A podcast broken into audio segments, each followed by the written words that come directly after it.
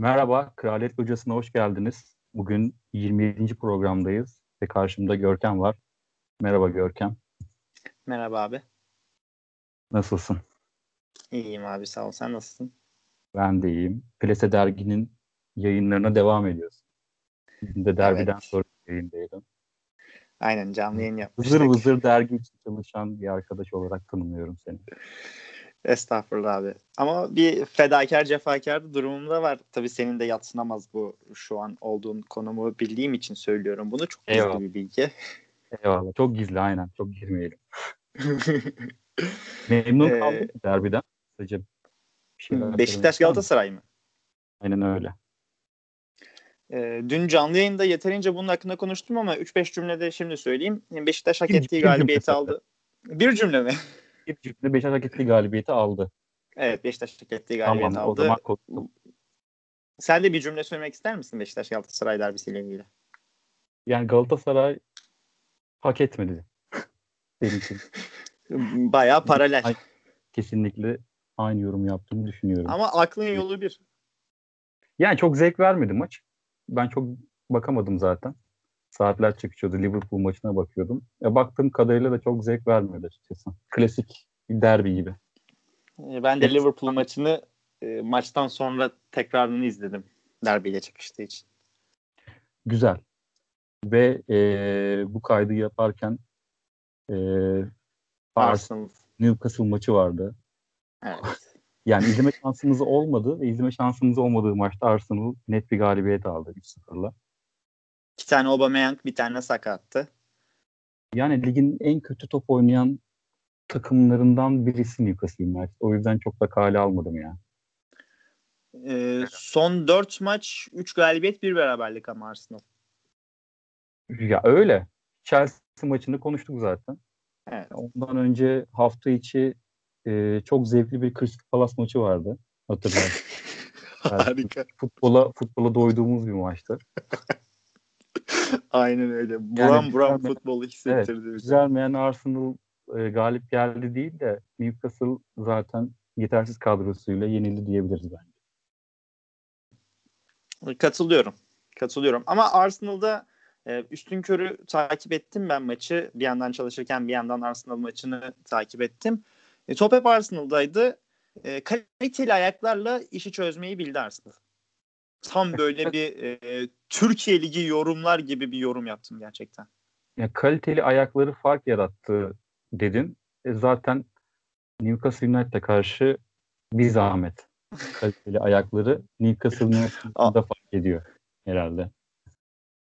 Bir moral ee, ar- diyerek biraz daha ılımlı bir yorum yapabiliriz e, Arsenal'ın kaliteli ayakları o kadar çok maç çözemedi ki öyle ya da böyle çözmeye devam etmeleri her açıdan yararlı bence. Kesinlikle. Sonuçta 3 puan 3 puandır. Sen Maximen olsaydı biraz daha farklı olabilirdi ama onun yokluğunda üretkenlik sıkıntısı çekiyor Newcastle United. Arsenal'da bunu fırsat bildi bence. Zaten e, topu ayağına alan bir takım da değil Newcastle. Şimdi maçı izlemeden üstün körü konuşuyoruz da yani bu hafta gelene kadar ki öyle öyle e, haftalarda... topu tamamen bırakmıştı. Hatta şu anda önümde topa sahip olma istatistikleri geldi. %66'ya %34 top Arsenal'daymış. Çok şaşırtıcı değil. Bu Arsenal'ın başarısı mıdır? Hiç değil. Evet. Kasım'ın Yok bu mi? bence de Steve Bruce'un taktiğidir. İyi hayırlısı olsun tutmamış. Aynen. Ve e, Liverpool Sheffield mı başlayalım yoksa Sheffield Tottenham maçıyla mı başlayalım? Ee, Liverpool Manchester United'da başlayalım. Liverpool Manchester United'da başlayalım. Tamam. Daha iyi olur. Ee, ana yemekle başlayalım. Aynen öyle. Ee, maçla ilgili... Senin düşüncelerin neler? Önce sen konuş abi ben sonra ben konuşayım. Valla evet. e, önceki haftalarda... Var. Eyvallah. Lese dergide saygı diyorsun. E, Liverpool'un e, Boxing Day ile beraber yeni yıl e, başlarında düşüşe geçeceğini konuşmuştuk. Bence onun emarelerini gösteriyor Liverpool. Maç da biraz sıkıcıydı açıkçası. Çok vaat ettiği kadar bir futbol zevki vermedi. Yani skordan bağımsız olarak 0-0 bitmesinden dolayı söylemiyorum. Ancak Liverpool'un çektiği sıkıntı, o akışkanlık sıkıntısı, üretkenlik sıkıntısı, ya yani formsuz oyuncuları var. Hani Thiago bu maçta en iyi oyuncusuydu diyebilirim Liverpool'un. Ancak Salah'la Mane'de ve Firmino ileri üçlüde gözle görülür bir düşüş var. E, Manchester United'da klasik oyununu oynadı açıkçası. Zaten e, bu maç e, temposunda ardarda arda maçlar Premier Lig'in yoğun temposunda kondisyonunu bence en dengeli tutan takımlardan birisi Manchester United. Oyun tarzı itibariyle de. Yine bildiğimiz oyununu oynadı açıkçası. Ama burada e, maçı hareketlendirecek olan takım Liverpool'du ve bunu yapamadılar. Orta sahada güzel kitledi Manchester United. Özellikle McTominay ve Fred iyi bir uyum sağladılar. Özgüven de buldular açıkçası bu e, son haftalarda gelen liderlik. Benim de çok anlayamadığım açıkçası. İyi bir moral getirdi takıma. Ve takımın en kötüsü yine Pogba'ydı bence bilmiyorum. Sen ne düşünüyorsun? Ee, Liverpool maçı domine etti kağıt üzerinde baştan sona kadar ancak bu zaten Manchester United'ın ve Solskjaer'in istediği şeydi bence. Ee, katılıyorum tatsız şey tuzsuz. Evet e, tatsız bir derbiydi. Hatta e, iki derbiyi kıyaslayacak olursak Beşiktaş Galatasaray maçı daha zevkliydi bence. E, bunu evet. hakaret olarak algılayabilir Liverpool ve Manchester United. E, seviyeyi düşünsünler. E, Liverpool maçına dönecek olursak. Zaten. Evet evet tabii ki de ona ona göre değerlendiriyorum kendi standartlarına göre. Yani burada Liverpool'un e, Van Dijk'in yokluğuyla birlikte Fabinho iyi idare ediyor bence. Ama problem savunmadan ziyade e, ileri uçta gibi evet. geliyor bana. Yani burada e, o bildiğimiz Liverpool baskısını maç içerisinde göremedik. Burada Manchester United'ın oyun başarısından da konuş, ilgili konuşabiliriz. Yani bunun da etkisi kesinlikle var ancak yani takım olarak baktığın zaman en azından maçın belirli bölümlerinde, periyotlarında Liverpool'un baskı kurabileceğini düşünürsünüz. Yani 20 dakikalık bir süreç olur, 15 dakikalık bir süreç olur. Yani Liverpool topu ayağına aldı ama pozisyon yaratmakta çok büyük sıkıntılar çekti. Hatta yani en net pozisyonları da Manchester United yakaladı bence. %100 katılıyorum. Son dakikalarında Pogba'nın kaçırdığı var. Çok kötü vurdu. Yani ab- abanma taktiğiyle ağlamaya çalıştı. Alisson çok iyi kurtardı ama çok iyi bir vuruş değil bence. Ondan önce Bruno Fernandez'in kaçırdığı bir top var. Çok iyi kurtardı Alisson. Evet. Yani net pozisyonları yakalayan Manchester United oyun planından şaşmadılar. Hani galibiyeti daha e, Manchester United tarafına kayıyordu o pozisyonlarda. Sonuçta istediği oyun, istediği düzen buydu. Her büyük maçta gördüğümüz gibi. Ama Liverpool'da yani bariz bir düşüş var. Hani puan tablosuna da bu yansıyor. Oyuna da yansıyor. Geçen sene ve ondan önceki senelerde son dakikalarda gelen e, golleri zaten bu sezon bulamıyorlar. Üzerine üstlük e, maç içinde tempoyu e, istedikleri tempoyu da yakalayamıyorlar açıkçası. Evet e, katılıyorum bunlara. Şöyle e, ek yapmak istiyorum. Jurgen Klopp maça 4-2-3-1 başladı. Thiago ve Wijnaldum e, çift pivot. Sağda Şakir'i, solda Mane, 10 e, numara Firmino, en uçta Salah. Muhtemelen e, Solskjaer'in baklava 4-4-2 çıkacağını düşünüyordu herhalde. E, Rashford ve Martial en uçta. Arkalarında Fernandes. Pogba, McTominay, Fred'in üçlü orta sahasını. Ama e, Solskjaer 4-2-3-1 çıkınca Pogba'yı da sağ açığa atınca Martial solda Rashford en uçta kullandı. Böyle olduğunu görünce herhalde dakika 20'de 4-3'e döndü Liverpool. Salah sağda, Mane solda, Firmino ortada. Yani e, Şakir'i sağ iç, Finaldum Soric, Thiago Regista gibi oynadı. E, bu yapıdan sonra aslında Liverpool topa da daha, daha da fazla üretmeye başladı ancak e, gerçekten hiç pozisyon üretemediler. Benim e, tek hatırladığım hatta böyle en net aklıma gelen 77. dakikada Thiago uzaktan bir şut çekmişti. Dehe kurtarmıştı. Evet e, Fernandes %100'lük karşı karşıya pozisyon kaçırdıktan sonra hemen. Evet evet o dakikalarda. Evet e, o, onun haricinde benim aklıma gelen pek de böyle net pozisyon yok. İşte Salah, Firmino sürekli ceza sahası içinde bir şeyler kovaladılar ancak hiç öyle demediler. Birinci dakikadan 90. dakikaya kadar oyun Manchester United'ın istediği şekilde gitti.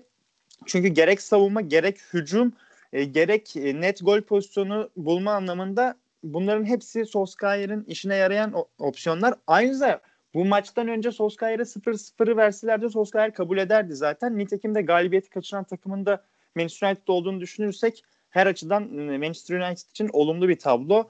75. dakikaydı yanılmıyorsam Fernandes bir de e, az önce söylediğin 83. dakikada Pogba'nın kaçırdığı o %100'lük karşı karşıya pozisyonları da atsa zaten Manchester 3 puan alıp gidecekti muhtemelen.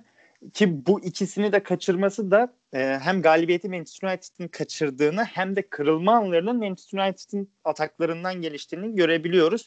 E, Liverpool %65 ile topla oynadı ancak e, bu da az önce söylediğim gibi Solskjaer'in de Manchester United'ın da her derbilerde bunu e, bir strateji haline getirmesinin bir etkisi olabilir.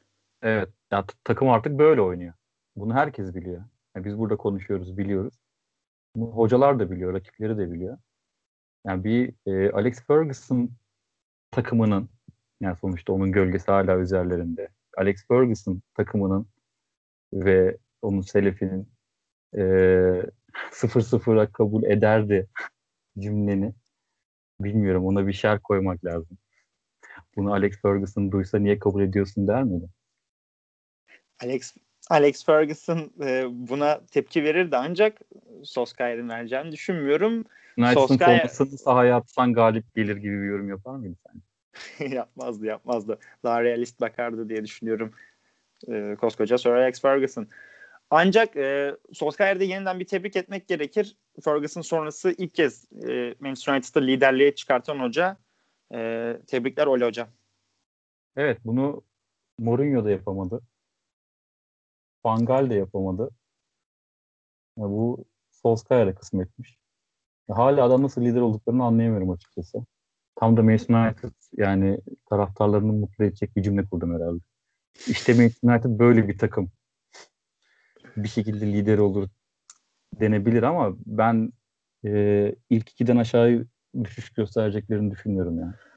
Ben Liverpool'un kazanacağını düşünüyordum beni çok şaşırttı Liverpool. Manchester United şaşırmadı. Beklediğim şekilde oynadı. Beklediğim e, pozisyonlara da girdi.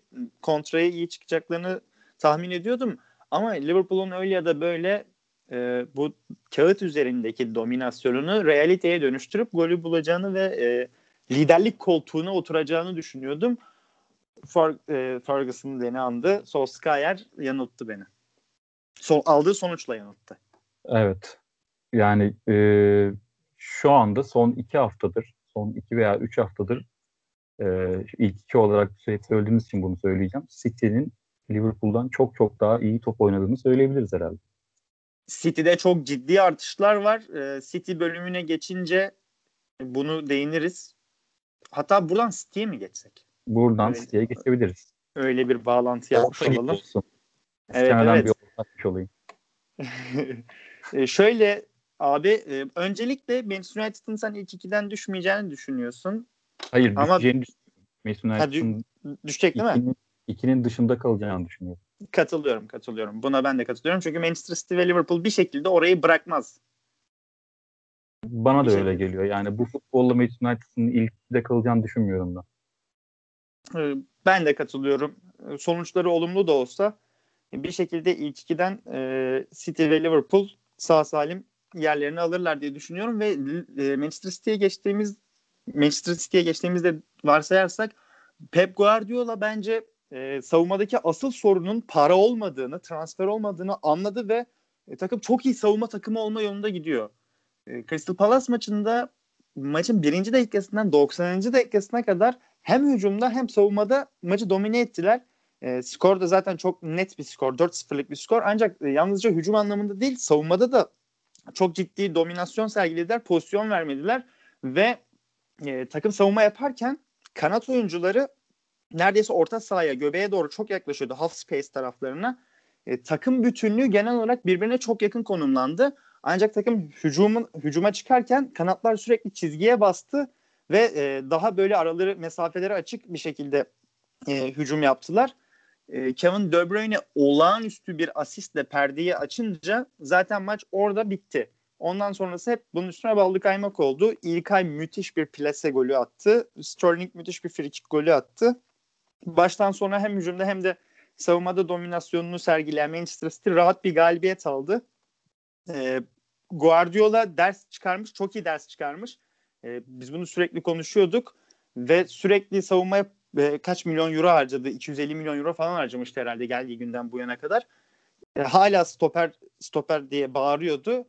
Sonunda e, savunmadaki asıl sorunun stoper ve para olmadığını anlayınca ekstradan bir savunma kabiliyetine dönüştürmesi hem Guardiola için hem de Manchester City için hem de kulübün e, asıl hedefleri için çok olumlu bir hamle. Çünkü bu kulübün e, bence iki tane hedefi var. Birinci özellikle. E, birincisi tabii ki de Premier Lig tahtını geri almak. ikincisi de Şampiyonlar Ligi şampiyonu olmak. Dolayısıyla Özellikle bu Şampiyonlar Ligi diyebiliriz. Evet birinci sıraya Şampiyonlar Ligi'ni koyabiliriz kesinlikle. Çünkü Guardiola'nın artık bir Şampiyonlar Ligi şampiyonluğunu tatması gerekiyor. Ben onu kronolojik olarak değil de e, iki esas hedef anlamında söylemek istemiştim. Ya evet ya ama şu anda herhalde e, Guardiola'ya sorsan ligi dördüncü bitir Şampiyonlar Ligi şampiyonu ol. Veya ligi beşinci bitir Şampiyonlar Ligi şampiyonu ol desen bence kabul eder. Çünkü bir baskı da oluştu. Uzun süredir şimdi tam sayısını hatırlamıyorum da bir 8 7-8 senedir herhalde yarı final dahi göremiyor Guardiola.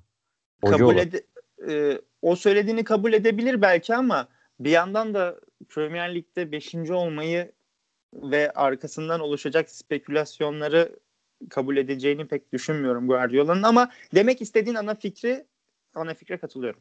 Yani onu göğüsleyebileceği bir e, başarı bu. O eleştirileri göğsünde yumuşatabilir gibi geliyor bana. Böyle bir düzende. Sonuçta yine sezona damgasını vurmuş olacak.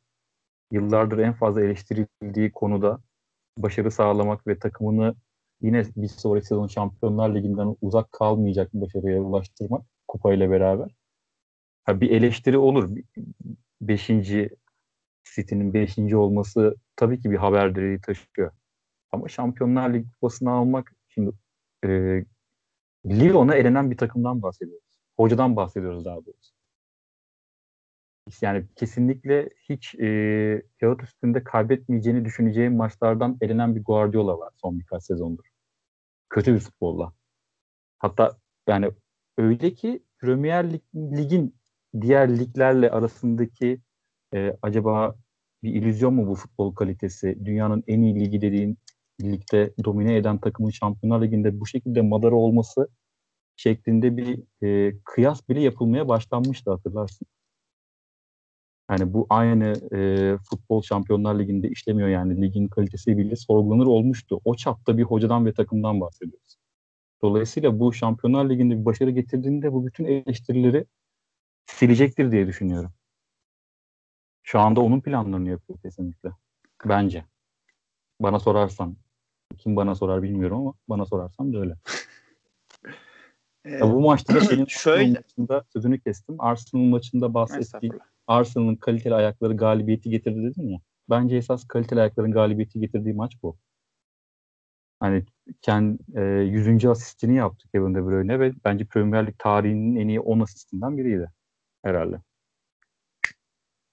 Ee, şöyle ama abi Manchester City öyle bir domine etti ki maçı kalite, kaliteli ayaklarından zaten bütün takım kalite kokuyor. Manchester City'de bunu söylemeye gerek yok ama evet biri o kilidi açardı diye düşünüyorum. Lyon maçına değindin sen. O Lyon maçıyla ilgili e, çok kısa şunları söyleyeyim. Guardiola kendi ayağına sıktı orada. Çünkü e, Lyon'dan önce de Real Madrid eşleşmesi vardı Manchester City'nin ve Real Madrid'i elemişti çeyrek final e, son 16'da. Real Madrid'e karşı Bernardo Silva'yı sahte 9 oynatıp arkasında e, Kevin De Bruyne'yi sahte 10 gibi kullanmıştı. Böyle 4-4-1-1, 4-4-2 kırması bir sistemle çıkmıştı. Bu biliyorsun normal şartlarda 4-3-3 oynuyordu. Evet. E, Guardiola. Ancak Real Madrid'de bambaşka bir senaryo ile çıkıp şapkadan tavşanı çıkartmıştı. E, rövanş karşılaşmasında da Phil Foden'ı sahte 9'da kullanıp Gabriel Jesus'u sola çağatmıştı. Böyle e, böyle bir başyapıt bir senaryo ile e, Real Madrid'e karşılaştı ve nokta o bence. Hani kendisi zaten bir şekilde takımını e, istediği düzene birkaç haftalık bir düzene oturtamadı.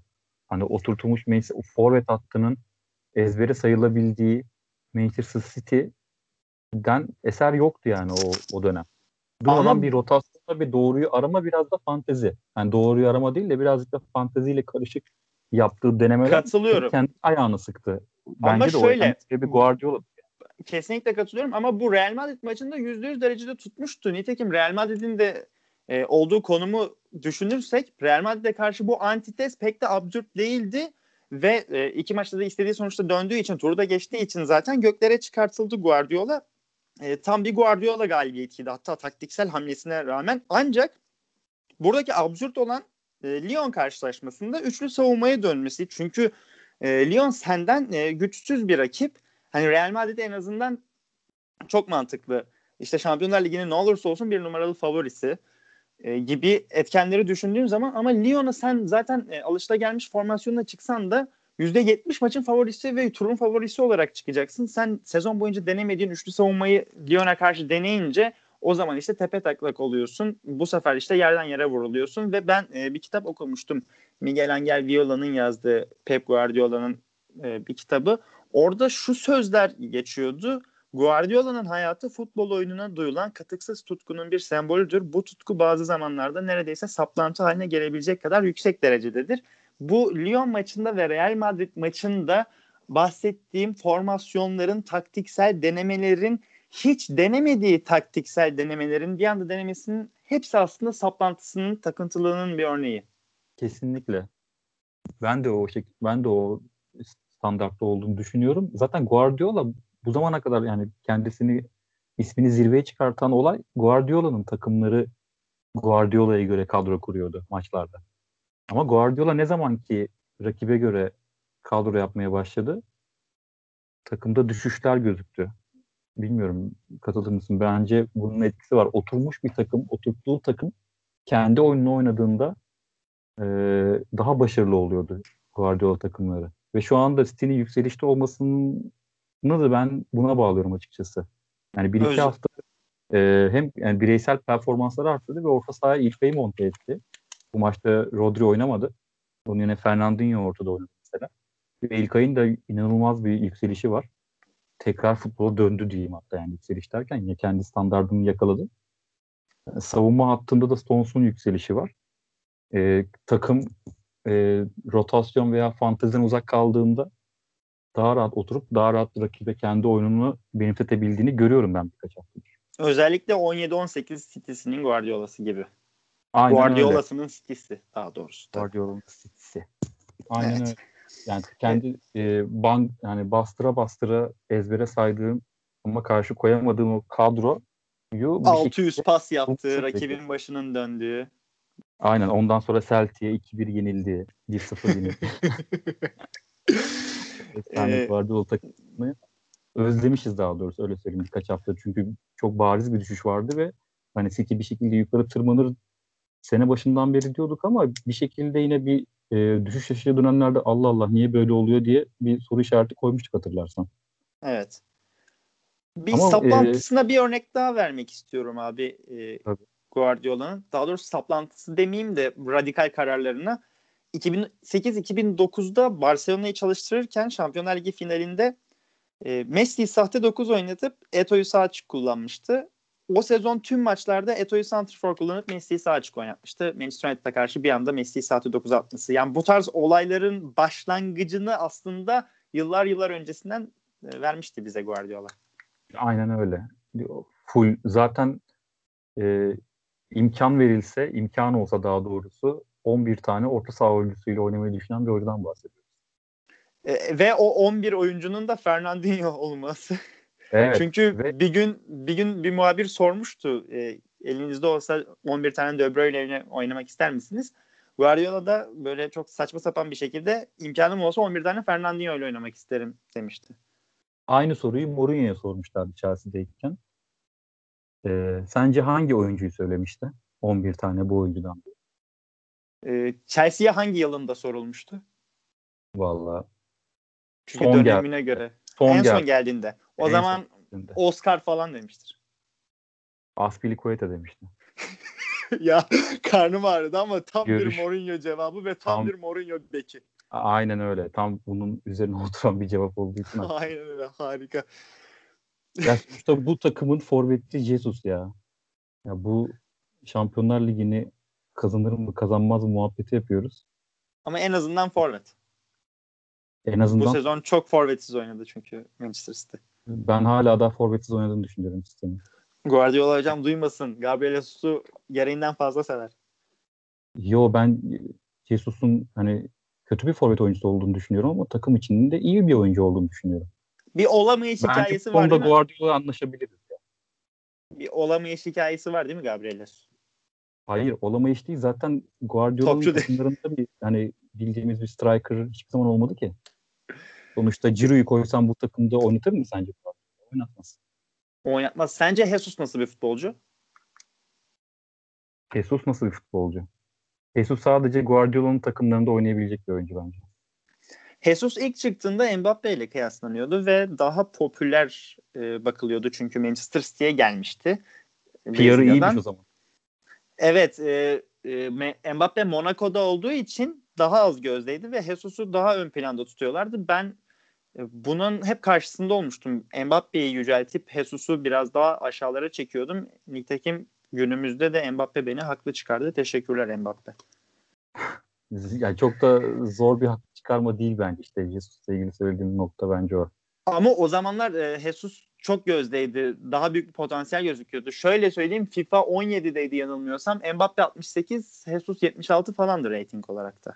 Yani şu anda Guardiola City'ye beni de transfer etse benim de ratingim en azından 75 olur abi. Hani işte PR veya bir rüzgar dediğim o. Yani sonuçta City'nin bir oyuncuyu istemesinde nasıl yüksek bir meblağ isteniyor ve oyuncunun gerçek değeri biraz ortadan kalkıyorsa City'nin aldığı herhangi bir oyuncuda ve özellikle Agüero'nun önüne koymuştu geldim diye hatırlıyorsam. Evet, evet, evet. Yani bu da Jesus'u bir şekilde ileriye atarsan şimdi e, bir oyun yapımcısı olarak Jesus'a 68 verirsen bu noktada e, işini son o. verirler diye. Ama e, her şeyden ötesi Guardiola bence e, bazı şeylerin farkına verdi ve bu saplantılarından arındı. İlk sorunu olan, birinci sorunu olan savunmadaki sorununu çözdü. E, takımı hatta çok iyi bir savunma takımına dönüştürdü ve çok komplike bir şekilde ilerliyor, yoluna devam ediyor. Manchester City geliyor, geliyor, gelecek, gelecek dediğimiz Manchester City geldi bence ve gelmeye devam edecek. E, ayakları daha yere sağlam basan bir şekilde ilerlemeye devam eder. Buradan düşüş çok e, aşırı böyle pik yapan bir düşüş yaşamazlar diye düşünüyorum ben. Kesinlikle katılıyorum. Zaten bir maçları da eksik. Onu da kazandıklarında lider olacaklar. Aston Villa mı? Evet. Ee, olabilir. Ligin ilk başlarında ertelenmişti sanırım o maç. Evet evet. Tam hatırlayamadım ama olabilir o maç.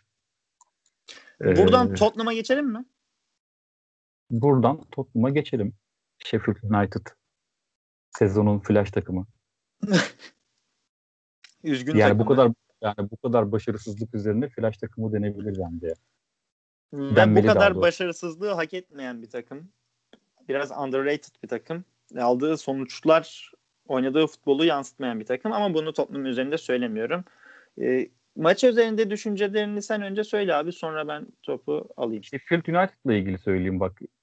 Geçen hafta ilk galibiyetlerini aldılar. Evet. Biraz önce Arsenal girişte Arsenal maçından bahsetmiştik. Newcastle United'e karşı aldılar. Yani tam göre göre bir rakip bulup bir şekilde o galibiyeti koparmaları açıkçası hoşuma gitti. Ama bu sene artık e, düştüler diyebilir miyiz sence? Ee, bir yanım yaprak döküyor, bir yanım bahar bahçe. Çünkü hoş geldin Erbatur Ergenek. Duygusal Erbo modumu açtım şu evet. an. Kurumuş boğazım. Sheffield United'ın gerçekten ben birçok maçını izledim bu sezon ve gerçekten o kıpranışları ve o azmi isteği mücadeleyi görüyorum. Hani bu takım kümede kalır şeklinde mücadele etse de e, kadro kalitesi, alınan olumsuz sonuçlar bir şekilde onu ister istemez Championship'e itecekmiş gibi. E, benim e, en azından Fulham'ın üstünde bitirmesi gibi bir isteğim var. Sheffield'dan. Hani düşecekse bile 18. olarak düşsün. 20. olarak düşmeyi hak etmiyor çünkü bu takım. Maç özelinde değerlendirme yapacak olursak işin Tottenham kısmına geçmek istiyorum ve Jose Mourinho Wolverhampton karşılaşmasında üçlü savunmaya dönmüştü antitez olarak e, Espirito Santo'nun üçlü savunmasında ben onu antitez olarak yorumlamıştım. Ancak orada 3-5-2'de e, Hank Minson ve Harry Kane'i kullanmıştı en üstte ve sondan ne kadar az verim alınabilirse o kadar az verim almıştı. Bu sefer üçlü savunmasındaki hatasının farkına varıp 3-4-3 ile sahaya çıktı. Hatta olağanüstü bir farklılık yaptı. Ee, Harry Kane sahte 9 gibi konumlanıp Bergwijn ve Minson ön tarafta kalıyordu hücum yaparken. Hatta savunurken de Kane e, kendi yarı sahasının kendi yarı sahasına kadar geliyordu. Çünkü e, bir pozisyon vardı. Dakika 46 idi yanılmıyorsam. Sheffield sol kanattan atak yapıyordu. Tam 9 kişiyle savunuyordu Tottenham ve bu 9 kişiden bir tanesi Harry Kane'di. E, diğeri de Bergwijn'di. Bergwijn böyle sağ bek gibi duruyordu. E, Kane de sahte 10 numara gibi duruyordu. Yani sahte 9 bile değildi hatta. O derece savunuyordu. Hücum yaparken ise e, altılı yedili e, 6-7 kişi kendi yarı sahasından çıkıp e, Sheffield yarı sahasında pres yapıyorlardı. Hatta Harry Kane'in attığı ikinci golde tam olarak 6 kişi pres yapıp golü bulmuştu. Yani bu bana biraz şey gibi gelmişti. PES 2013'te vardı bu toplu hücum, toplu defans. E, bu taktiği aklıma getirmişti. Çok iştahlıydı Tottenham. Özellikle Kane'in sahte 9 gibi konumlanması aklıma 2011 Barcelona'ya getirdi. E, Messi'nin sahte 9 olduğu, David Villa'nın solda, Pedro ile Alexis Sanchez'in sağda olduğu şablon. Gerçekten e, Kane'in etinden üstünden faydalanıyor Mourinho. Pochettino döneminde Kane e, daha geriye doğru geldiği zaman e, pek mutlu olmuyordu. Ancak Mourinho ona öyle bir değer kattı ki Kane de bundan rahatsız değildir diye düşünüyorum. E, Tottenham ve Mourinho üzerindeki ölü toprağı attı. Son zamanlarda düşüştelerdi. Sheffield her zamanki gibi iyi mücadele etti ancak güçleri yetmedi. Tottenham baştan sona kadar hak ettiği galibiyeti aldı. Bana da e, Barcelona'nın o bahsettiğim Barcelona'nın karşısındaki Inter'i hatırlattı bu formasyon. Yani o kadroda da Milito'nun olabildiğince defansif ve Eto'nun da sağ beke kadar geldiği Bergwijn rolünde yani savunmayı beşlediği, altıladığı maçları hatırlıyoruz. Özellikle Barcelona maçında. Ee, o standartta bir düzen düzeni hatırladım ki hatırlıyorum. Her maç neredeyse hatırlıyorum. Çünkü Kane artık olabildiğince e, kanatlara oyunu açmak adına ortadan ortayı güçlendirip Bergwijn'e ve sona servis yapan bir role bürünmeye başladı. Kendisi de bunu kabul etti. Performansı da arttı zaten noktada. E, bu maçta da benzer bir formasyonda oynadılar. E, defans hattında e, Davinson Sanchez veya Alderweireld yerine Rodon'u monte artık etti diyebiliriz herhalde. Evet, yani, enteresan bir hamle o da. Yani evet, bir coaching hamlesi gibi geldi bana. O kadar doğru yere parmak bastın ki abi Barcelona Inter maçının aklına gelmesi. Ee, şöyle savunma yaparken o maçtaki Inter hücum yaparken o maçtaki Barcelona gibiydi. Evet. Mourinho çok e, enteresan bir özellik. Savunurken üçlü savunma kanat beklerinin gelmesiyle beşliden ziyade Endombele, Holberg ve Bergwijn'in de gelmesiyle bir dokuzlu bir hat Kane sona kalıyor sadece. E, kaleciyi de saydım o dokuzun içine. Hücum yaparken de e, özellikle sol açık gibi oynadı. Hatta savunurken bile sol açık gibi duruyordu. Hücum yaparken de Regulon, Aurier ve Endombele'nin ileri çıkmasıyla altılı bir hat oluşuyordu. Hoiberg kalıyordu sadece geride. E, istediğini her anlamda yapabilen bir Tottenham'ı izledik. Ben e, maçın Tottenham tarafından kazanılacağını hatta e, üst ve iki biteceğini düşünüyordum zaten. Nitekim bunu e, oynamıştım da. Ama bu kadar böyle e, taktiksel açıdan her anlamda her istediğini bu kadar rahat bir şekilde ya da bu kadar farkındalık gösterecek bir şekilde e, Mourinho'nun üstünlüğünü e, pek tahmin etmiyordum. Çünkü dediğim gibi hem hücumda hem savunmada çok radikal bir taktiksel varyasyon vardı Mourinho'dan. E, olağanüstüydü. Ben çok keyif aldım. Maçı izlerken biraz sıkıcılık gelmiş olabilir ancak bu taktiksel farkındalıkları dikkat ettiğim için ben çok keyif aldım. O yüzden izlemesi çok keyifliydi benim açımdan. Valla bu e, ya uygun bir rakip vardı açıkçası. Hücumda e, yani kalitesi sınırlı bir rakip vardı. Sonuçta Fulham maçından çok bir fark görmedim ben bu maçta. Ya biraz daha kuvvetli bir hücum gücü olan bir takımda yine hala daha öne geçtiğinde bu kadar savunmayı ön plana çıkaran bir taktikle sahada kalacak mı Mourinho? Bence kalacak ve eleştirilmeye devam edecek. Yani e, hatırlıyorsun Fulham maçını. Ya göz göre göre 1-0'a yatan ya ondan önce 90 dakika West Ham maçı var. Ya 90 dakika 1-0'a yatması hani Kane'i on numara yapıp sonla iyi anlaşması, yani çok iyi bir kontratak takımı olması. Yani bu iyi bir kontratak takımı olmasını yani inanılmaz takdir ediyorum. Ama e, yani herhangi bir takıma, ya herhangi bir maçta 5. dakikada 1-0 yaptığım bir maçta 1-0'a yatma üzerine artık yatma diyeceğim buna yani. 1-0'a yatma üzerine bir futbol ortaya koymak Mourinho'ya yakışıyor ama çok da tutmuyor bence. Sonuçta, Fulham e, maçı özelinde o sistemine katılıyorum. Tottenham yani Fulham maçında var, West Ham maçında var, Crystal Palace maçında var. Aklıma gelmiyor bir maç daha vardı. Yani sonuçta Tottenham 3 hafta önce liderdi. Ve şu anda Tottenham 5. sırada. Ha, puan farkı çok fazla yok. Ama araya giren takımlar yüzünden Tottenham'ı sen şimdi tekrar e, liderliğe tırmanacak diyebiliyor musun? Ben diyemiyorum ben, açıkçası. Büyük ben Tottenham'ın hiçbir zaman lider olabileceğini düşünmüyordum zaten. Burayı götüremez yani liderliğe. Bence de ama e, şöyle söyleyeyim. Tottenham'ın ben e, şimdi e, sorsam bana Manchester United'a göre biraz daha yukarı için şansı olduğunu düşünüyorum. Ama Mourinho bu taktiğiyle beni de ters köşe yapıyor. Bu kadar e, galibiyet golünden sonra o, o, o golün üzerine yatması ve savunmayı yüzde yani yüzde seksene kadar öne çıkarması çok kabul edilebilir gelmiyor bana. Bu Sheffield maçında da bence aynısını yaptı. Ama Sheffield United'ın zaten hücum gücü hani belirli düzene düzenlere dayanıyor yani. Sağlı sollu bir orta kafa vuruşu ki gol öyle geldi. Veya duran top.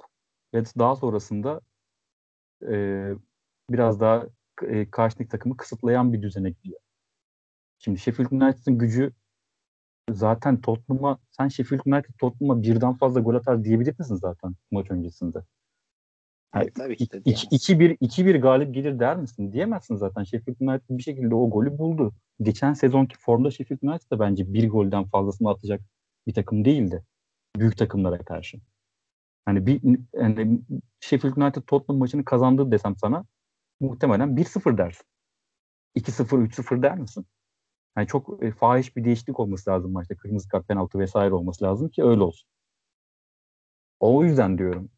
Kalite ya orta saha çok baskın. Endombele ile ben burada yani Kane son çok formda ancak bu Tottenham'ı zirveye tırmandıran oyuncuların hani underrated kalmasıyla Hoy, Höbjerg ve Endombele olduğunu düşünüyorum. Özellikle büyük maçlarda takımı bir şekilde yaklaştırmıyor. Orta sahayı çok güzel kitliyorlar. Ama Crystal Palace maçında da orta sahayı bu kadar kitlemeye gerek var mı? Ondan emin değilim. Ki bu oyuncular ileriye çıktıklarında da görece üretkenlik sağlayabilecek oyuncular bence. Endombele öyle en azından.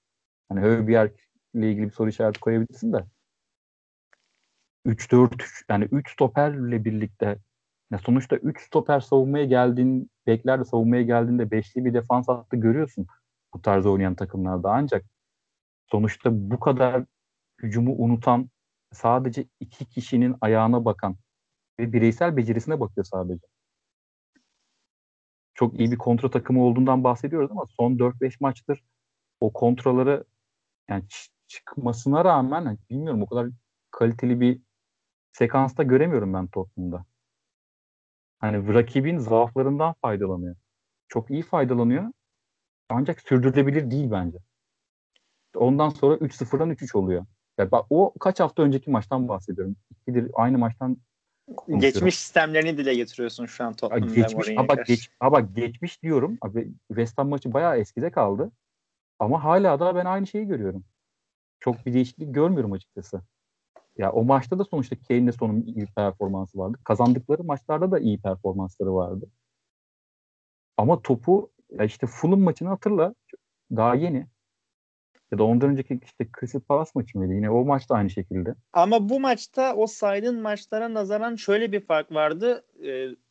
5-6 kişiyle sürekli önde baskı yaptılar. bu belki Sheffield'ın savunmasının defeklerinden dolayıydı. ya da belki Mourinho'nun yeni bir arayışıydı bilemiyorum ama e, onu bu maç işte, aynen. Onu bu maçta evet. bir şey çok net bunu yapmak istedi demek istemiyorum. Sheffield United'ın e, Sheffield United olduğu için o önde baskıyı daha rahat bir şekilde yapmıştı. Sonuçta demişti yani Sheffield United benim önde baskımı geçtiğinde bile ileride ne kadar üretken olacak ki bana gol atacak demiş olabilir. Olabilir. O yüzden Ama bu maçta genel olarak istediğini var. yaptılar yani. Ya işte Ama ben senin demek istediğini anladım. Umarım o yüzden aslında önümüzdeki haftalarda dikkatli merak edeceğim. Bakalım bu önde baskıyı e, hücumda 5-6 kişiyle yapılan presi devam ettirebilecek mi yoksa savunmada 8-9 kişiyle savunma durmayı tercih edip sadece kontraya mı yönelecek Mourinho diye bir Bence soru şöyle soru bekleyelim. Çok, evet. E, tabii çok büyük ölçekli bir takım değil de Leeds United örneğini vereceğim. Leeds'e karşı bunu yapmayacak bence. Hücum gücünü göz önünde bulundurursam. Çok daha yani üst düzey bir takımdan bahsetmiyorum. Leeds'in gözü hoş gelen futbolunu da düşünürsek. Leeds'in hücumdaki akışkanlığını düşünürsen bana bunu e, gösteriyor. Bunu hissediyorum yani o maçı izlediğimde. Onu demek istiyorum. O zaman ben bir Wonder Kit vereyim. Gelsin. Sheffield'dan. Sağ bek Bogle. Benim yeğenimdir. FIFA 19'da az başarıdan başarıya koşmamıştık aslan parçasıyla. Sheffield'da onu sezon başında e, Derby Country'den transfer etmişti. E, bakıyorum 3.85 milyon euroya transfer etmişler. Wonderkid adayımdır. Dikkatli izlemeni öneririm abi. E, tamam. Genelde yedekti. Beşim falan oynuyordu şeyde. Evet. E, Beşim zaten Beşim e, Baldok Baldok. Baldok. Beşim de stoperdeydi zaten. Aynen Beşim stoper Baldok. Baldok yedekler arasındaydı bu maçta. Benim yeğenim Bogle oynadı. Ee, onu dikkatli izlemeni öneririm. Topçu olacak. Dinleyenlere de önerelim. Herkese öneriyorum. Özellikle e, bu tarz oyunlara ilgisi olanlar işte FIFA olsun, Stone Manager olsun direkt kiralayın arkadaşlar. Para varsa da bonservisini alın. Yatırım tavsiyesi diyorsun. Tabii ki. Çocuk 2000'li. Tam bir wonderkid. Benim adım hastayım ben böyle sağ beklere. Bir de atlet bir oyuncu. Benim gibi hücumcu, atlet bek seven arkadaşlara direkt olarak öneriyorum. Hangi oyun oynuyorsanız kapın. Ee, iş yapar zaten o tip bir oyuncu. Premier Lig'in Premier başa yani topu topun oynadığı takdirde tercih edilen oyuncu türü zaten. Chris Wilder de herhalde onu gördü ve takım düşle geçince e, çözüm arayışlarından birisidir muhtemelen bu. Evet olabilir. Testi yüksek. Hoşuma gitmişti zaten Bogle 11'de görünce bir heyecanlanmıştım. Vay dedim yeğenim Premier Lig'de ilk 11'e çıkıyor. Ey yavrum ey dedim duygulandım böyle. Sheffield United'ı izlemek için hiçbir nedenimiz yoktu. Son 5 haftadır bize bir neden verdi. İşte Diyerek. Görkem Gürkan farkındalığı. Kesinlikle. Buradan Fulham Chelsea'ye geçelim o zaman. Fulham Chelsea maçına geçelim. Londra derbisi. Londra derbisi. Derbi gibi derbi. Derbicik. An, derbicik ama e, Fulham'a yazık oldu bence. Kesinlikle katılıyorum. Kırmızı karttan sonra maç e, bambaşka yere gitti. O kırmızı kartı görmeseydi Fulham bu maç bu kadar kolay olmazdı. Bence Mason Mount Lampard'a hadi bir hafta daha bizim hocamız olarak kalabilirsin diyerek koltuğu koltukta oturmasına müsaade et. Mason Mount Chelsea'nin %50'si. Kesinlikle. Yani zaten Lampard, Lampard'ın da evladı zaten Derby County'dan. Aynen öyle. Ve e, Chelsea'de Hakim Ziyeh, e, Christian Pulisic, e, Temi Abraham'ı saymıyorum. Timo Werner, Jorginho, Kante, Kovacic, Thiago Silva, e, Kaya Havertz gibi isimler var ama bu takımın %50'si Mason Mount. Ve bu da bu, çok enteresan bir olay. Ve bu Lampard için büyük bir eksi zaten. Bir yandan da artı kendi yeğeni olduğu için. Ne için artı? Mount, altyapıdan topçusu. Mount'un altyapıdan topçusu da yani Chelsea'nin bu saydığın oyunculara sahip bir takımın böyle bir futbol oynaması da skandaldır. Tabii ki de tabii ki de. Getirileri olduğu kadar götürüleri de var. Sonuçta önceki haftalarda Giroud'un bu takımda hani bu forvet performansıyla Giroud'un oynaması gerektiğinden bahsediyorduk. Bu maçta ilk 11 çıktı. Ama ben hiçbir şekilde bir oyun planı görmedim. Hakim Ziyeh veya polis işten sihir beklemek bu kadroya yakışmıyor açıkçası. Çok yani sıkıcı bir, bir maçtı zaten. Alt, orta alt seviye bir FIFA oyuncusuna bu kadroyu versen çok daha zevkli bir Chelsea izleriz bence. Hatta yani evet, çok şey diyelim. Yani. Bu kadar kötü olmamalısın ya. Bu maçı bu şekilde kazanmayacağız. Katılıyorum. Chelsea beklentilerimi tamamen hayal kırıklığı derecesine kırmızı çeviriyor. Kart, kırmızı kart gelene kadar Fulham'ın toplu oynaması %65. Ve oyunu tamamen force ettiler. Yani bu önceki maçlarda konuştuğumuz gibi Chelsea'nin izin vermesi şeklinde değildi. Chelsea zaten topu karşıya veren bir takım değil. Genetiğine aykırı oyuncuların. Ama Fulham bayağı sürklase etti. Ha, bitiremediler ama pozisyonları da yakaladılar. Çok kez Cavaliero, Rüdiger'le Silva'nın arasına girdi. O Aspilicueta ile e, Mendy'nin anlaşamadığı bir pozisyon var. Pas hatası. Evet. Orada iki, Fulham evet orada Fulham golü bulabilseydi bambaşka yerlere giderdi bu maç. İşte o golü bulsaydı bence Chelsea'nin golü bulması çok zordu. E, maksimum 1-1'e getirebilirdi ister işte. istemez Fulham zaten yani ister istemez geriye çekildi kırmızı karttan sonra. Çünkü bu kadar yaratıcı oyuncuların olduğu bir rakip için çok açılmaması gerekiyor. Arkayı açıkta bırakmamak için. Mecburen Zaten 5-4-1 da... gibi bir formasyonla sahaya çıkmışlardı. E, o golü bulsalardı da tamamen e, Park Dubas Mourinho'nun tabiri taktiğiyle evet. Park Dubas'a dönerlerdi ve tamamen kitleme yöntemine giderlerdi. Maksimumda bu Chelsea'nin e, üretememesi, yaratıcılık gösterememesinden ötürü maksimumda 1-1'e gelirdi bu maç. Ve bu sefer de işte Lampard'da Chelsea'de yerden yere vurulurdu. Ki nitekim bu galibiyeti bu galibiyet de pek e, iç açıcı bir galibiyet değil. Tamamen Kesinlikle. kırmızı kart şansına yoruyorum ben. Kesinlikle değil. Yarın Leicester maçı var. Salı ee, günü. Maçın favorisi de Leicester bence. Bence de Leicester. Ve maç ya, King Power'da. Futbol, bu futbolla ya şimdi taraftar olmadığı için çok deplasman ev sahibi ayrımı kalmadı. Makas bayağı daraldı da. Leicester Zemin maç... olsun, yol yorgunluğu olsun. Ha tabii. Oynama Olab- alışkanlığı olsun. Yine bir takım etkileri var bence. Çağlar olsun. Çağlar döndü. Cengiz olsun. Varlığı yeter. Keşke Cengiz de olsun deseydik. Yani Keşke. burada defans oyuncusundan ve bir e, kadroya giremeyen hücum oyuncusundan bahsediyoruz Leicester için. Gerçi Buradan Leicester'a da geçmiş olalım mı bari? Valla Chelsea ile ilgili var mı senin başka söyleyeceğin bir şey? Ciro ilk 11'deydi ve bu kadar. Çok güzel bir nokta koyuş oldu. Valla bu şekilde giderse yani şöyle söyleyeyim Leicester böyle 3-0 4-0 galip gelirse Lampard kovulur bence. Büyük bir iddia. Bu futbola Aa. bu futbola bu yakışır ama. Yakışır. Ee, zaten öyle bir Yazık şey olursa Arsenal'ın yani. Arsenal'ın da ola, olası bir galibiyetiyle Arsenal Chelsea'nin üstüne çıkacak sanırım.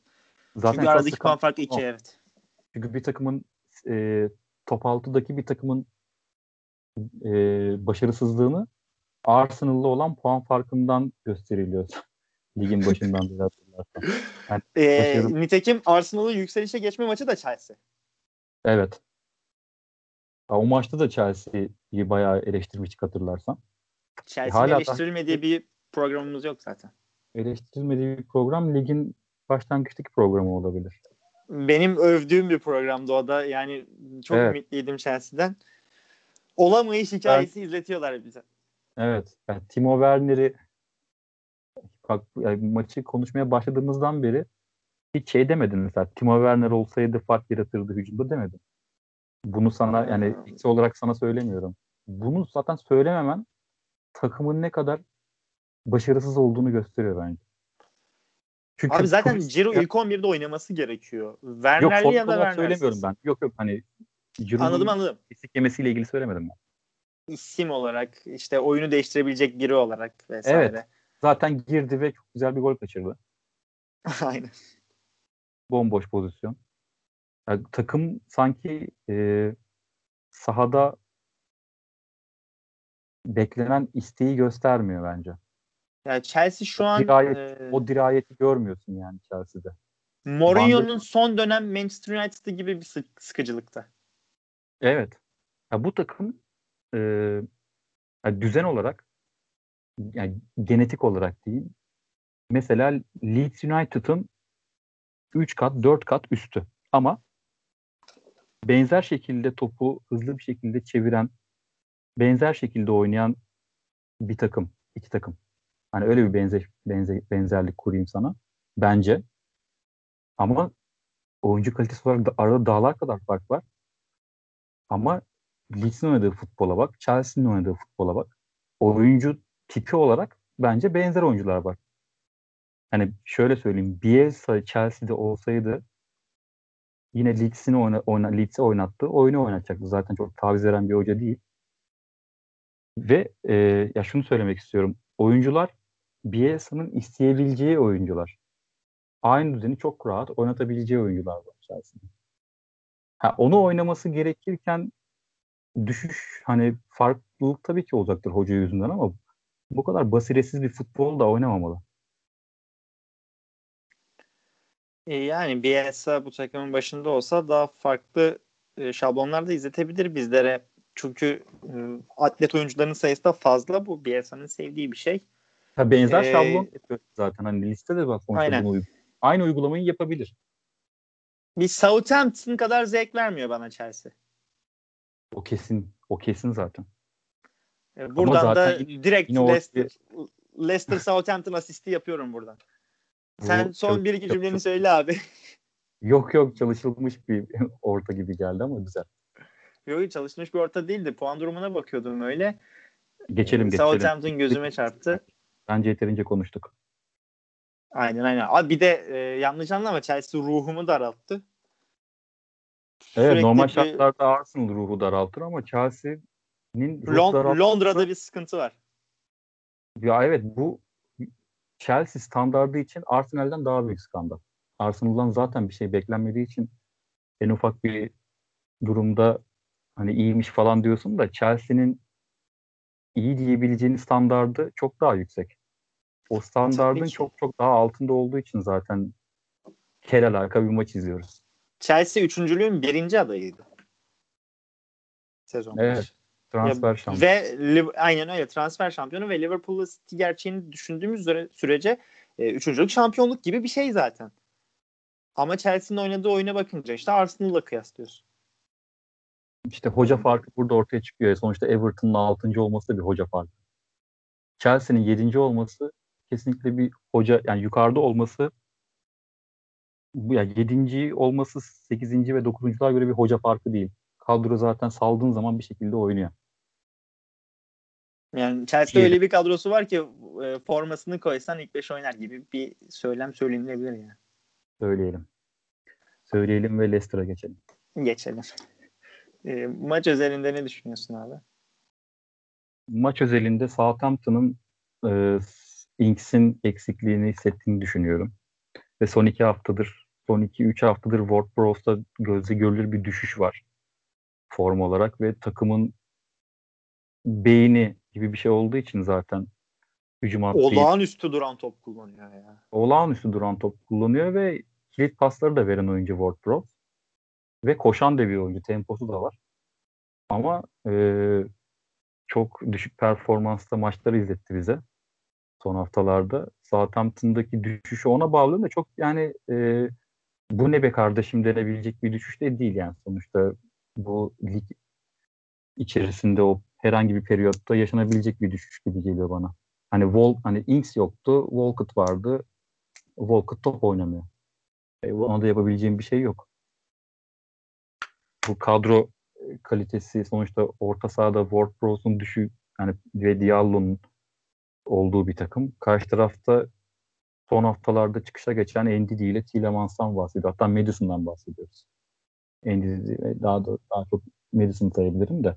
Wardy yani skor yapmamasına rağmen bu orta saha düzeni Leicester'a zaten Leicester'ı başarılı başarılı gördüğümüzde yani düzenli bir şekilde başarılı gördüğümüz maçlarda zaten bu üçlünün e, büyük bir şekilde e, sahaya iyi performans verdiğini görüyorduk. Sakatlık sorunu yaşamasaydı Endidi e, zaten ortalama her maçta Endidi, Tillemans, Madison vardı. Barnes beşlisini görecektik. Özellikle Madison sakat dönüşünü çok iyi atlatamadı. Evet sürekli orada e, gitgeller oldu. İşte Mendy oynadı ön libero'da.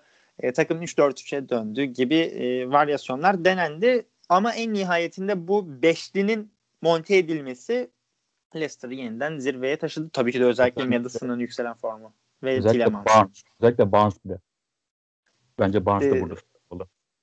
Kesinlikle katılıyorum. Benim notlarımın arasında var. Ee, sözünü kesmiş gibi oldum. Sen istersen söyleyeceklerini bitir. Yok, sonra ben Yok sen devam et. Ee, ben özellikle iki noktaya değindim abi. Ya notlarım arasında değinmişim daha doğrusu. Albrighton ve Barnes'ta çok ciddi bir yükselme var ama e, Barnes'ın standart performansına yakın olduğu için bu zaten Leicester'da göze çarpan bir oyuncu ve e, bu yüzden ben daha çok Albrighton'ın yükselişine dikkat çekmek istiyorum. Çünkü Albrighton e, bu 2015-2016 şampiyonluğundan sonra hani böyle sürekli bir yedeğe gelen bir oyuncuydu. Ancak son zamanlardaki artışı mesela Ayoze Perez'i direkt olarak yedek kulübesine itti. E, Cengiz Ünder ilk transfer edildiğinde Ayoze Perez'i keser diye düşünüyordum ben mesela. Evet. Ancak artık rakibi Albrighton oldu. Aynen Albright'ın küllerinden yeniden doğdu ve Albright'ın diğer kanat oyuncularına göre bambaşka bir artısı var. Savunmacı bir kanat oyuncusudur. Evet aynen öyle. Tam onu diyecektim. Ee, yani bunlar 4 -4 da 4-4-2'de oynadığında sağ kanatta. Tam bir 4-4-2 kanat oyuncusu hatta. Aynen öyle. Aşırı hücumcu diyemezsin. Aşırı defansif diyemezsin ama sağ kanatta gözün kapalı formayı verebileceğim bir oyuncu oldu. Evet mükemmel de orta yapabilen bir oyuncudur. Çok yararlı bir oyuncudur. Yetenekleri tartışılabilir ama en azından yedek kulübesinde olması gereken bir oyuncudur. Bu tarz oyuncular da çok enteresandır. Yani e, varken niye var yokken niye yok diyebilirsiniz. Öyle de bir oyuncu Albright'ın. Bu çıkışı hem Leicester için e, hem Brandon Rodgers için hem de Albrighton için çok iyi. E, ancak e, Leicester için e, birkaç dezavantajdan bahsetmek istiyorum. Leicester savunmada çok boşluklar verdi. Schmeichel ve direkt buna geçit vermedi. Ancak e, Leicester şampiyon olmak istiyorsa, uzun vadeli düşünüyorsa bu boşlukları minimal düzeye indirmesi gerekiyor. Nitekim bu defekleri verdikten sonra bunun kontrasına iyi çıkıyorlar. Bu Leicester için bir avantaj olsa da dediğim gibi şampiyonluk hedefleri varsa bu savunma defeklerinin minimal düzeye indirmelerinde fayda var. James Madison'da adeta bir Buffett'in bir gol golü attı. E, ceza sahası içinden tavana astı. Çok şık bir goldü. Tillemans resital sundu ve Leicester bir şekilde maçı kazanmayı bildi. Bence üst sıraları zorlaması veya üst sıralarda kalması defans hattına Fofana ile Çağlar oturduğunda olabilir. Bence onu Ev- yapacaklar. John Evans kesilir mi sence? Bence Çağlar geldiğinde ya Fofana'yı ben çok beğeniyorum. Ben Genç de beğeniyorum. Tam Saliba'yı da beğeniyorum ben ama Saliba'yı izleyemiyoruz. Artık da izleyemeyeceğiz. Saliba'yı izleyemedik. O da e, Nice'de bayağı başarılı, iyi başladı. Yanlış hatırlamıyorsam. Maçın adamı falan seçildi ilk maçında. İlk maçı mı? Geç, geçen haftaki programımızı dinlemediysen abi 26. bölümü dinlemeni öneririm. Burada Saliba'yı çok savundum. Arteta'ya da salladım. Ee, Saliba konusu biraz kanayan yaram benim. Ya şimdi hiç görmediğimiz için çok da Arteta'ya giydirmek istemiyorum. Hani bir, bir şekilde bir biraz izlesek hani eleştiri için elimde bir veri olabilir. Elimde Oynatsaydı şey... elimizde veri olabilirdi. Ama şimdi hani tabii ki işte o yüzden diyorum oynatmadığı için hani bilmediğimiz bir şey mi var acaba diye de soruyorum. Şimdi sonuçta Arteta ile e, futbol bilgimi yarıştıracak değilim. Adımın adım yani takımın hocası o ve gördüğü herhalde çok böyle acayip bir şey var ki ya da görmediği bir eksiklik yani takımı hiçbir şekilde monte etmeyi düşünmedi. Hep U21'de oynadı. Genç takımla maça çıktı. Ha, bu kadar hiç forma vermediği bir oyuncuda belirli bazı net eksikler herhalde vardır ki oynamıyor diye düşündüm ben. O yüzden çok net olarak hani eleştiri yapamıyorum Arteta'ya. E, elinde Holding'in, Marin'in, Mustafa'nın oynadığı yerde de ne kadar eksikliği olabilir ki? İşte diyorum. o zaten. İşte demek istediğim o. Ha, o kadar mı yani? Herhalde o kadar. Hiç görmedim çünkü. Bir Benim görmedim. E, bir de şöyle bir ek var. Saliba'nın Saint Etienne'deki partneri de Fofana'ydı. Evet. e, Saliba Arsenal'da 30 milyon euroya geldi. Fofana da Leicester'a 35 milyon euroya geldi. Hani Fofana'nın Leicester'da çatır çatır oynadığı gibi Ar- Saliba da Arsenal'da çatır çatır oynar. Bu cümlenin aynısını geçen hafta da söyledim. Yine söylüyorum.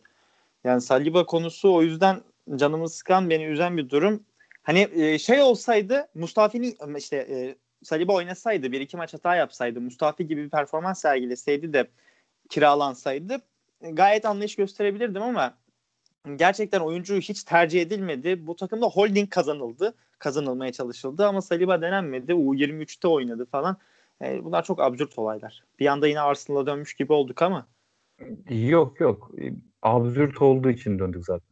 Aynen öyle. Ee, Fofana Çağlar diyorsun yani. Ben Fofana Çağlar olduğunu düşünüyorum. Eğer ellerinde tutabilirlerse. Çünkü Evans'ın yaşı da var. Fofana ile Çağlar'ı iyi bir ikili olarak düşündüklerini düşünüyorum. Hem ileride e, satış için hem de en azından yukarıyı hedefliyorlarsa bu ikili özellikle Çağlar değil de Fofana form tuttuğunda takıma biraz daha alıştığında şu an genç olduğu için yeteneği e, daha doğrusu takım e, takımla e, kimyası bir tarafta özgüveni çok yüksek. Hani çok daha yukarıda kalıyor ve zaten o e, cesareti yüzünden hatalar yapıyor şu anda. Ancak e, takıma ve e, oynamaya biraz daha alıştıktan sonra o özgüvenle birlikte çok acayip bir defans oyuncusu göreceğiz gibime geliyor. Benim şöyle bir tahminim var. Ee, sık sık üçlü savunma deniyordu Brandon Rodgers. Eğer Çağlar döndükten sonra da üçlü savunmaya dönecekse e, sağ stoper Fofana, sol stoper Çağlar e, merkezde Evans, sağda Kastanye, solda Justin ya da bu ikisini sürekli değiştirebiliyor. E, orası ayrı. Ben Albright'ın kesilebileceğini düşünüyorum eğer olası bir üçlüde. 3-4-2-1 Andy Tillemans merkezli. Madison sol sol açık gibi, sol ikinci santrfor gibi. E, Barnes sağ açık gibi, sağ sağ, sağ, sağ 9 gibi böyle. E, Vardy göbekte. 3-4-2-1 formasyonuna dönülebileceğini düşünüyorum olası Bana da mantıklı savunmada. geldi. Bana da mantıklı geldi. Zaten yedek olmasını sorun etmeyecek tek adam Albright'ın burada herhalde. Aynen öyle ve o da e, iyi bir yedek kozu dediğimiz gibi. Tamam Eğer, hocam ne zaman ihtiyacınız olursa deyip yedeğe Aynen öyle. Ama üçlüye dönmezse de ben Evans'ın kesileceğini düşünmüyorum ya. Ben Evans'tan vazgeçmez gibi. O yani e, seneye okeyim. Orta vade değil de orta vadede. Aynen. Uzun işte vadede seneye, Fofana seneye, Çağlar işte seneye düşüneceği için bence bu sezonun sonlarına doğru sanki e, görece daha e, düşük ölçekli takımlara karşı oynarken sanki bunu bir denermiş gibi geliyor deneyecekmiş gibi geliyor. Bilmiyorum öyle bir ortaya attım ama. Bu da benim fantezim. Çağlar'ın Çağlar sakatlanmasaydı muhtemelen sezon sonu devre arası, ay devre arası değil de bir yaz transfer döneminde falan 50-60 milyon euro gibi civara satılabilme ihtimali çok yüksekti bence. Bence de. Ee, belki sakatlıktan yine iyi dönerse bu spekülasyonlar artarsa Manchester City ihtimali biraz düştü gibime geliyor. Çünkü çok e, Ruben Dias falan transfer edildiği için ancak Liverpool'un stopersizliğini düşündükçe mesela belki Liverpool'dan bir Çağlar hamlesi gelirse de Fofana Evans'la devam eder Leicester. Ama Barcelona olabilir. E, şu, Barcelona. şu bir gerçek, Barcelona. şu bir gerçek 150 milyon euroluk bir stoper hattı var Leicester'da. Fofana evet. ve Çağlar 150 milyon euroluk bir pakettir. Ya Fofana için biraz iyimser bence bu rakam şu an şimdilik. Yani Premier Lig standardı için e, biraz daha gelişirse bunu vaat ediyor ikisi. Ama e, Premier tabii canım bu potansiyel takıma, olarak. Premier Lig dışında ya Barcelona haberleri çıkıyordu Çağlar'la ilgili. Çok da City, mükemmel olur. Liverpool bence zaten kesinlikle olmalı. Ee, Çok da Fofana'yı şöyle diyorum abi. 20 yaşında bu adam daha, bu çocuk daha. 2000'li e, 35 milyon euroya transfer edildi ve e, maksimumda katkıyı aldı. E, potansiyelini de düşündüğümüz sürece hani e, net böyle bir gözün kapalı 70 milyon euro gibi bir e, kafadan bir sinyal veriyor bize. Hele e, Maguire'ın gittiği astronomik ücreti de düşünürsek Fofana büyüktür Maguire diyorum ben şimdiden. Direkt. Zaten zaten 35'e aldıkları bir oyuncuyu 40-50'ye satmazlar. Tabii e, orada bir iki katı en az satılır diye düşünüyorum. Çağlar'dan da o civarda bir para kazanırlar. e, çok müthiş bir paket ya. Valla Çağlar'ın Çağlar'ın Premier Lig'de daha büyük bir takıma gitmesini daha çok istememe rağmen bir yandan da bir yani ihtimal dahilinde olursa Barcelona'ya gitmesini tercih ederim. Sırf e, geçen sene Arda Turan bir açıklama yapmıştı. Benim gibi futbolcu 100 senede bir gelir diye. Sırf o, o söz, sözünün üzerine Barcelona'ya giden ve cuk oturan bir oyuncu olmasını dilerim Çağlar. Çağlar stil olarak da Barcelona'ya çok uyar. E, Manchester City'ye evet. çok yakıştırıyordum ben de e, Premier Lig içinde. E, Premier Lig'den bir takıma transfer olacaksa ümit ediyorum, umarım Arsenal transfer olur ama böyle bir şeyin gerçekleşmeyeceğini ikimiz de çok iyi bildiğimiz için umarım Barcelona'ya gidebilir. Eğer transfer yapacaksa iyi bir ücret karşılığını umarım Barcelona'ya gider. Ancak ben şundan da çok memnunum Leicester'da kalmasından da. Yani Leicester ve Çağlar çok uyumlu bence. Çok mükemmel bir ikili. Ya evet kesinlikle öyle. Zaten e... en kötü bir iki sene daha izleyebiliriz yani Leicester'da Çağlar'ı. İzleyebiliriz eğer e... ya sakatlık sorunu evet. yaratmazsa zor ama Umarım. sakatlık yani o zaten şu an bence onu gözlemliyorlar yani sık sakatlanan bir oyuncu olmadığı takdirde yani bu sakatlığını iyi bir şekilde atlatıp aynı bildiğimiz çağlar düzenine döndüğü takdirde ellerinde tutmaları çok zor Leicester'ın. Ki Leicester'da Uma, zaten umarım sakatlanmaz. Zaten. Kesinlikle. Yani sonuçta Euro 2020 var, 21 var bu sene. Ya orada koyacağı performansla fiyatını zaten katlayacak Çağlar. Çok fahiş bir şey yapması gerekmiyor. Normal oyununu oynasa zaten. Üzerine Peki koyacak. sana bambaşka bir soruyla yöneltmek istiyorum. Avrupa Şampiyonası dedin ve Avrupa Şampiyonası ile ilgili bir soru soracağım. Herkesin sağlıklı olduğunu varsaymanı isteyeceğim ama. Ee, stoper tandemini nasıl kurardın sen olsan milli takımda? Meri ve Çağlar. Meri ve Çağlar dörtlü bir savunma. Dörtlü bir savunma. Meri ve Çağlar'a koyardım. Sol bek? Valla beklerle ilgili çok ya Caner'i koymayacağım kesin ya. Öyle söyleyeyim. E, baş, yani zaten ya Hasan Ali ya Umut Meraş falan kalıyor o zaman. Ya şimdi öyle olunca üçlü yani beni üçlüye mi getirmeye çalışıyorsun bilmiyorum. Ozan'ı getirip daha böyle bir kanat bekiyle oynanabilir mi demeyeceksin bilmiyorum ama. yani. Caner, Hasan Ali. Caner'i bu kesinlikle oyun stilinden nefret ediyorum Caner Akın. Sadece orta açan hani önündeki adama da orta açan bir adam istemiyorum. Hiç pas oyununu oynayabilecek bir milli takımla. Sırıttığını düşünüyorum yani. O, o yüzden Umut Meraş daha yakın gibi geliyor bana. Ee, benim şöyle bir önerim olacak. Eğer üçlü savunma oynanırsa ki ben Şenol Güneş'in üçlü savunma oynayacağını düşünmüyorum. Orası ben ayrı. de düşünmüyorum. Ozan Merih Çağlar üçlüsünde eğer e, Caner çağrılmayacaksa veya oynamayacaksa Ömer Bayram belki denenebilirdi e, sol kanat bekinde. Çünkü çok iyi bir sol bek değil ama e, üçlü savunmanın getirdiği e, bek defektlerini e, yani Ömer Bayram'dan oluşacak zafiyetleri Çağlar'ın tamamlayabileceğini işte e, Zeki Çelik defektlerini e, Ozan Kaban tamamlayabileceği bir yapıda kanat beki olarak Ömer Bayram denenebilir. Çünkü ben Umut Beraş'ı da Hasan Ali'yi de hiç yeterli görmüyorum. E, milli takımın belki de en kötü yeri belki de değil hatta. Bence milli takımın direkt olarak en kötü yeri sol beki olduğu için bu tarz bir efekt olabilir. Ancak birinci adayım benim yine de Caner Erkin tabii. Eğer dörtlü de oynanacaksa benim ikili adayım Ozan Kabak, Çağlar Söyüncü bu arada. Merih Demiral olağanüstü bir savunmaya sahip. Ee, işte ruhu olsun, cesareti olsun, mücadelesi olsun, azmi olsun, savunma yeteneği olsun ama bence Ozan Kabak'ı ben daha iyi görüyorum ve daha büyük bir potansiyel olduğunu düşünüyorum. Hatta Ozan Kabak e, Çağlar Söyüncü'den de daha büyük bir potansiyel olduğunu düşünüyorum. Ancak Çağlar Söyüncü hepsinden iyi bir stoper. Orası apayrı. En iyisi Çağlar, en potansiyellisi Ozan. Savunması en iyi olan da Merih.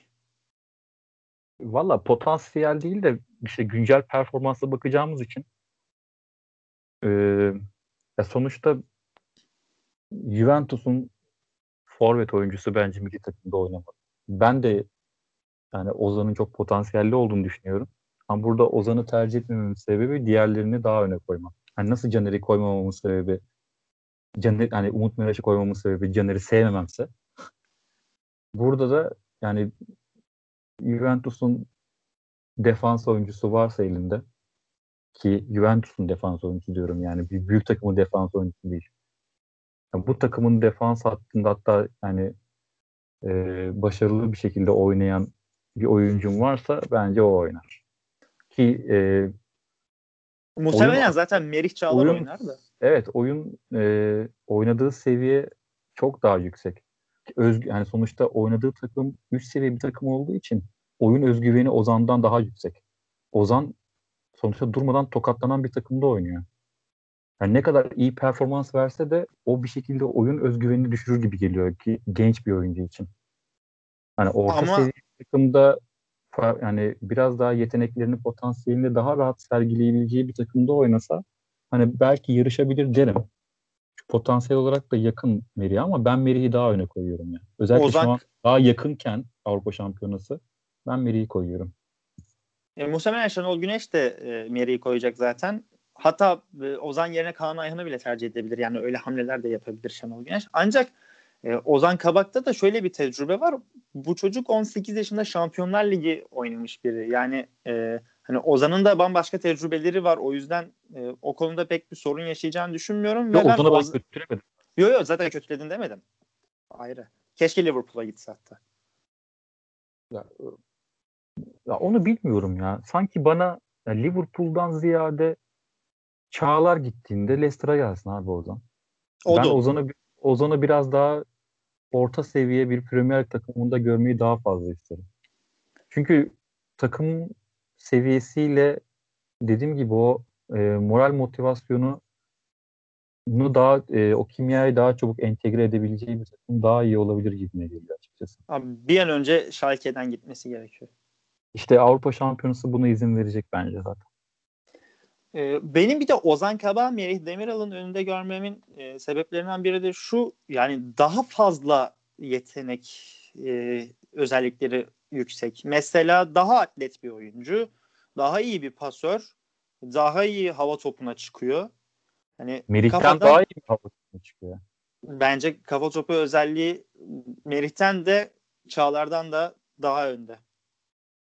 Hmm. Yani onu, hatta onu çok iyi bir kafacı olacağını düşünüyorum. Çünkü e, yanılmıyorsam altyapıda böyle 13-14 yaşlarındayken Santrifor falan oynamıştığı vardı diye hatırlıyorum. Evet. Böyle bir veri vardı diye hatırlıyorum. Evet. Ancak o, o olmasa dahi e, yani Santrifor oynamasa dahi çok olağanüstü bir sıçrama yeteneği var Ozan'ın. E, çok iyi bir kafacı stoper olabilir. Merih'in de kafa topları çok iyi, sıçraması çok iyi ama e, Ozan'ı ben daha önde görüyorum her açıdan. İşte. Merih'in de olağanüstü o e, nasıl diyeyim böyle Yaratıcılığı. eski tarz stoper. Evet. Hücum oyuncusunu yıpratma potansiyeli beni biraz çekiyor açıkçası. Bu sadece evet. o tarzı için bu arada. Şunu söyleyeyim bir parantez açayım. Ee, kafa yapısı olarak yani pandemi olmasa bir mekana gitsem herhalde Ozan'la Çağlar'ı çağırırım takılmak. Meri'yi çağırmam. Bilmiyorum tam anlatabildim mi derdim ama. Yani Meri daha e, e, nasıl söyleyeyim antika kafa yapısından sıyrılması gerekiyor gibi geliyor. Stoper tarzı da tam o. Ama ya, evet stoper tarzı da o. Stoper tarzında işliyor da o e, yanındaki oyuncularla iletişim noktasında e, milliyetçi damarı sanki olumsuz etkileyebilir gibi geliyor ileride bana. Bu biraz bir şey, şerh konması gereken bir özellik. Avrupa'da oynadıkça bence bunu aşacak bu arada. Hmm, yani orası tek ayrı gördüğüm, bir konu. Tek gördüğüm eksisi o Meri'nin. Ee, yani, farklı ülkeler gibi, tarafından dışlanabilir gibi bir şey e, demek istiyorsun sanırım. Hayır. Farklı ülkeler tarafından dışlanması değil. Kendi e, gelişimi daha iyi olsun diye mi? Gelişimini gelişimini etkiler. Etrafındaki Aynen. oyuncular yüzünden kendi gelişimini de etkiler.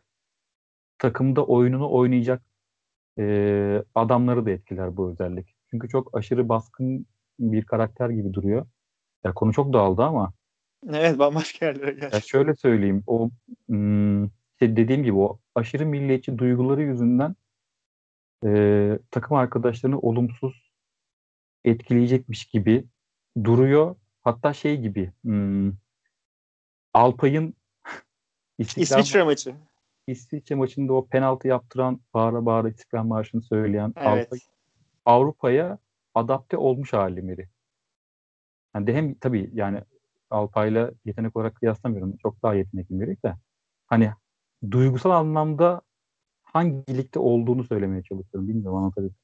Anladım ben. O duygusal e, o duygusal yoğun duygusal yapısı da ona bir zaaf getirebilir ileride. Daha profesyonel bakması gerekiyor. Daha gibi. soğukkanlı ve profesyonel bakması gerekir. Çünkü ya bunu da Merih bunu olumsuza doğru kaydırır gibi söylemiyorum. Bunu söylememdeki sebep olumsuz anlamda nice yeteneklerin heba olduğunu gördük milli takımda Türk futbolunda. Bu sebepten dolayı.